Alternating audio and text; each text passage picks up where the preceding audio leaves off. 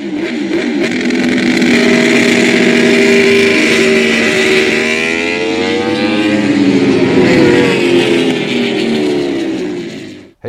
Hjärtligt välkomna till ett nytt avsnitt eh, av Peter Paul och Motor.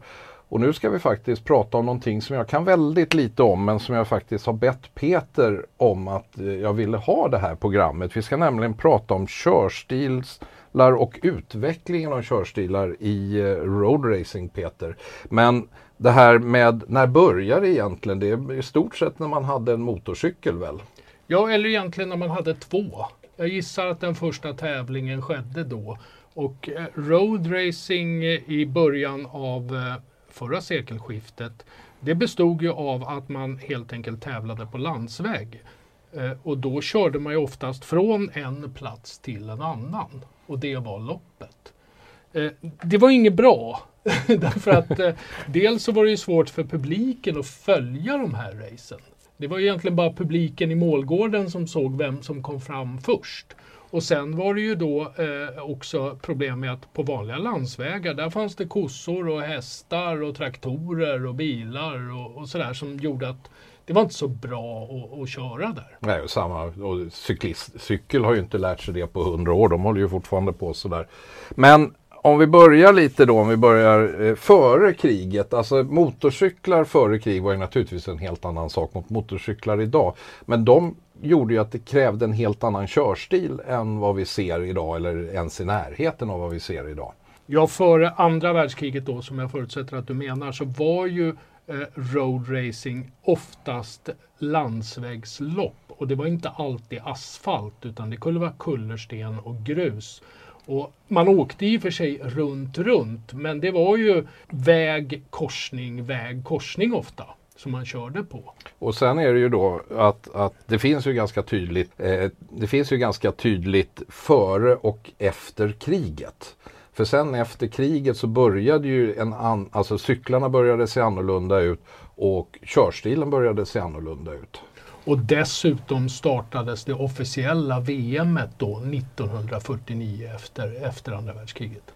Och då brukar man prata om det här som kallas Be with the bike. Och vad innebär det? Ja, att man försökte komma så lågt och nära och inklämd på cykeln som möjligt. Dra in armbågar, dra in knän, eh, sitta långt bak med skärten och långt fram och långt ner med händerna. Så att eh, man fick strömlinjeform. För att mycket av, av racingen då var ju att ha den snabbaste cykeln i de olika kubikklasserna. Och vilka, någon förare som står ut när det gäller att bygga upp den där körtekniken som var efter kriget eller var det en ganska allmän det var ganska allmänt och man jobbade också med strömlinjeformen på själva motorcyklarna, vilket i slutet på 50-talet resulterade i det som kallas för dustbin-kåpor. Alltså heltäckande kåpor som även täcker framhjulet. Om vi flyttar fram lite då. Egentligen de förare vi ska titta på de kom ju efter 60-talet så att om vi lämnar 60-talet därhen, vilket är ju inte så snällt egentligen. Men sen börjar inte utvecklingen med modern körteknik om man tittar på förare som Mike Haywood och Agostini på början av 70-talet eller slutet av 60-talet, början av 70-talet. Eh, de körde ju under, under en period där, där det var väldigt mycket tekniska innovationer inom roadracingen. Och fram då till 1967 när man började begränsa saker som antalet cylindrar i varje klass. Men de kanske inte var direkt nydanande på körstilen utan de hängde mera med i den tekniska utvecklingen. För det, det, har väl alltid varit det där att ibland är det någon, men vi, det vi kommer att gå in på här lite det är de här som har tagit det där steget och flyttat eh, stolparna en bit så att säga. Och man måste komma ihåg att, att de du nämnde då, Mike Halewood och Agostini, de åkte ju då fortfarande med vad som egentligen var gatdäck. Det var mönstrade däck som dessutom var då diagonaldäck som det heter. När började slicksen komma då? Eller det som, som man säger, kallar slicks idag? Ja, under 70-talet så kom de första slicksen. Men vi ska börja lite tidigare. För att jag tycker då att den första vi ska nämna är ju eh, nästan lokal hjälte. Det är Jarno Saarinen. Och, och, det han gjorde som var nytt, det, han var inte ensam ska vi säga, men, men, men eh, eh det var att han började flytta sin egen eh, kropp för att påverka tyngdpunkten. Och han flyttade alltså kroppen inåt och nedåt i kurvorna. Och då flyttar man också tyngdpunkten inåt nedåt. Man behöver inte luta cykeln lika mycket, vilket var viktigt då med de däck som de hade då för att kunna köra fortare. Och sen så var det ju andra som tog den här eh, tekniken vidare och den, då kommer vi till den första av dem som vi går lite mer i detalj på och det är ju Kenny Roberts. Kenny Roberts var en av de första stora tunga amerikanerna som körde i eh, VM-serien och han kom ju då från dirt track i USA. Han gjorde ju då dels det att eh, med hjälp av slicks som han då också fick i 500-klassen att han tog det här med hangout som det heter, att sitta bredvid cykeln ett steg längre och börja köra med knät i asfalten. Men också det att han eh, började som det kallas styra med bakhjulet. Att han gav så mycket gas ut ur svängarna att han i praktiken åkte med sladd och svängde runt cykeln då i utgångarna. Och det har att göra med att han kom då från dirt track och, och det andra. För där kör man ju alltså lite mer som man gör i speedway. Inte, inte så markerat här då naturligtvis men lite samma baktanke. Det var ju den körtekniken han eh, tog med sig. Eh, han började ju också då med att, att eh, det fanns ju inte såna här eh, knee sliders, alltså knäpuckar på den tiden utan han, hans första var att han tejpade eh, visir med då silvertejp eller gaffatejp. Så i roadracingkretsar så kallades den typen av tejp Kenny Roberts-tejp. ja, och, men, och, det är det, och det sitter ju i stort sett på alla eh, dräkter idag så att säga. Så att det var, men det var Kenny Roberts som började med, med det som är fullständigt självklart att man, man har idag. Men om vi flyttar lite framåt igen då så kom ju sen en körteknik som kallades för point and shoot. Och vad är, vad är det?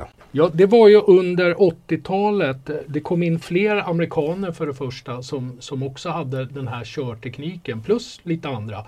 Men eh, också det att man eh, började trycka upp effekten i de här tvåtakts 500 kubikerna ordentligt upp mot 200 hästkrafter. Och blev de inte också betydligt jämnare i outputen har jag läst att, att de blev mer pålitliga vilket påverkade hur man kunde köra dem.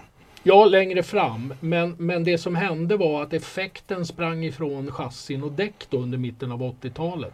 Så det snabbaste sättet att hantera en sväng var att bromsa så sent som möjligt, så långt in i svängen som möjligt, vända med ganska låg fart och sen gasa ut. Istället för att försöka bibehålla en hög kurvhastighet genom svängen men som var effektivt då. Det var väl sådana här förare som Freddie Spencer, Eddie Lawson, Wayne Gardner som utvecklade. Men sen var det ju Mick Doohan som, som verkligen dominerade i den eran och, och, han hade ju en ganska speciell körstil i början på karriären. Han hade ju ganska upprätt överkropp. Han kom från eh, standard superbike racing i Australien och långdistanslopp där. Och då hade han lärt sig att kompensera på det sättet. Men han ändrade ju körteknik och eh, faktiskt han skapade ju en ska vi säga, egen utveckling. För Honda tog fram eh, en, en ny motor med en osymmetrisk tändföljd som kallades Big Bang. Det var, det var han först med att använda. Men när alla andra började köra Big Bang så började han inse att den fördelen han hade med sin körteknik den försvann. Så att i slutet av sin karriär då började han köra så kallad screamer, alltså symmetrisk tändföljd i, i, igen. Därför han tyckte att jag är en bättre förare. Jag hanterar den cykeln så bra att jag slår de andra på den. Och sen så är, ska man ju också vara medveten som vi inte har gått in alltså eftersom det, är ju, det här är ju inte bara förarna utan det är ju också att det, det kommer ny teknik och så vidare. Och, och, och, det är ju mycket också att tyngdpunkten i cykeln har ju eh, årtionde för årtionde förflyttat sig för att man ska kunna behärska cykeln. Och du har utveckling på däck, du har utveckling på chassin och inte minst på motorer. Och i slutet på 90-talet gick ju den utvecklingen bakåt för att man började med blyfri bensin. Där försvann 20-25 hästkrafter. Vilket är ju en hel del. Och det var då som sagt Doan gick tillbaka till Screamer-motor för att få en fördel på så sätt. Och sen skulle man ju kunna tro då att en sån förare som Valentino Rossi skulle ha gjort någonting för körtekniken. Men det var väl egentligen inte så. Rossi är ju inte en nydanare, eller hur? Tvärtom skulle jag säga. Han är väldigt bra på att Eh, anpassa sig. Eh, det han kanske har bidragit med som stjärna, det är ju det här med att vifta med benen, inbromsningarna som vi kallar det. Att, att alltså släppa foten från fotpinnen och hålla ut benet. Och det eh, var han en av de första eh, ska vi säga, kända förarna som gjorde och han säger själv att det var misstag. Att han helt enkelt halkade till i, i bromsningarna. Men, men grejen med, med Ross är väl snarare att han väldigt versatil. Kunde köra på många sätt och anpassa sig till både motstånd och bana. Och Rossi hade en karriär på nästan 25 år. Från det att han började i VM 1996. Så att han var ju tvungen att lära sig nya körstilar för att kunna hänga med i toppen. Vilket han gjorde under hela sin karriär. Och sen ska vi då som siste man vi ska prata om när det gäller detaljerna så, så är det väl Marc Marquez. Ja, Marquez, han har ju tagit det här med hangout till en helt ny nivå. Han flyttar kroppen så mycket i sidled och neråt som bara är möjligt och åker dessutom med extrema nedläggningsvinklar över 60 grader. Och det gör ju det att han kan åka fortare i svängarna än konkurrenterna. Men det gör ju också det att han har inga som helst marginaler. Han kan inte använda kroppen för att parera släpp och sånt där. Det han kan göra är att hålla emot med knä och armbågen när det kanar iväg. Men, men bara till en viss gräns. Och det gör ju att han vurpar ju mer än någon annan. Och det har ju nu börjat kosta honom karriären helt enkelt. Att är, han kanske har tagit det lite för extremt. Och vi såg nu nyligen på Sachsenring så vurpade han tre gånger på samma kval och fem gånger på en dag. Och det straffar sig naturligtvis även med modern skyddsutrustning. Men vi ska påpeka att det var inte Marquez som på något sätt var först med att skrapa armbågarna. Utan det var redan 1988 så åkte Jean-Philippe Bruggia i 250-klassen med armbågarna i backen. Lite kraft var det, eh, körstil och körställning, men, men det var en, en het grej då när de sa knäskrap är ute, nu är det armbågsskrap som gäller. Men det, det, alltså, så tekniken utvecklas ju och vi har ju bara tagit några nedslag i vägen fram och, och eh, eh, med några specifika förare. Men det har ju funnits andra stilar som har varit populära också som den här eh, Eh, Drive it as you stole it till exempel som är en ganska spektakulär stil men kanske lite farlig.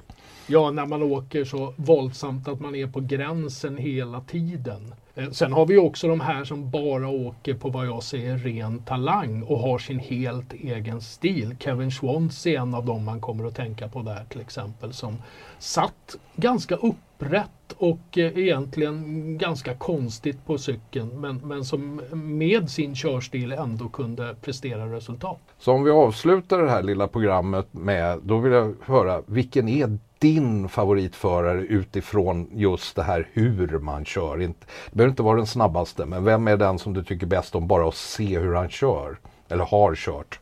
Ja, jag är väl lite skadad av vad jag körde själv, men att se Max Biaggi åka 250 det var ju en njutning. För där har du ju kurvhastighet på ett sätt som du då var inne på då på 90-talet. Då var det mera in och vänd med en 500.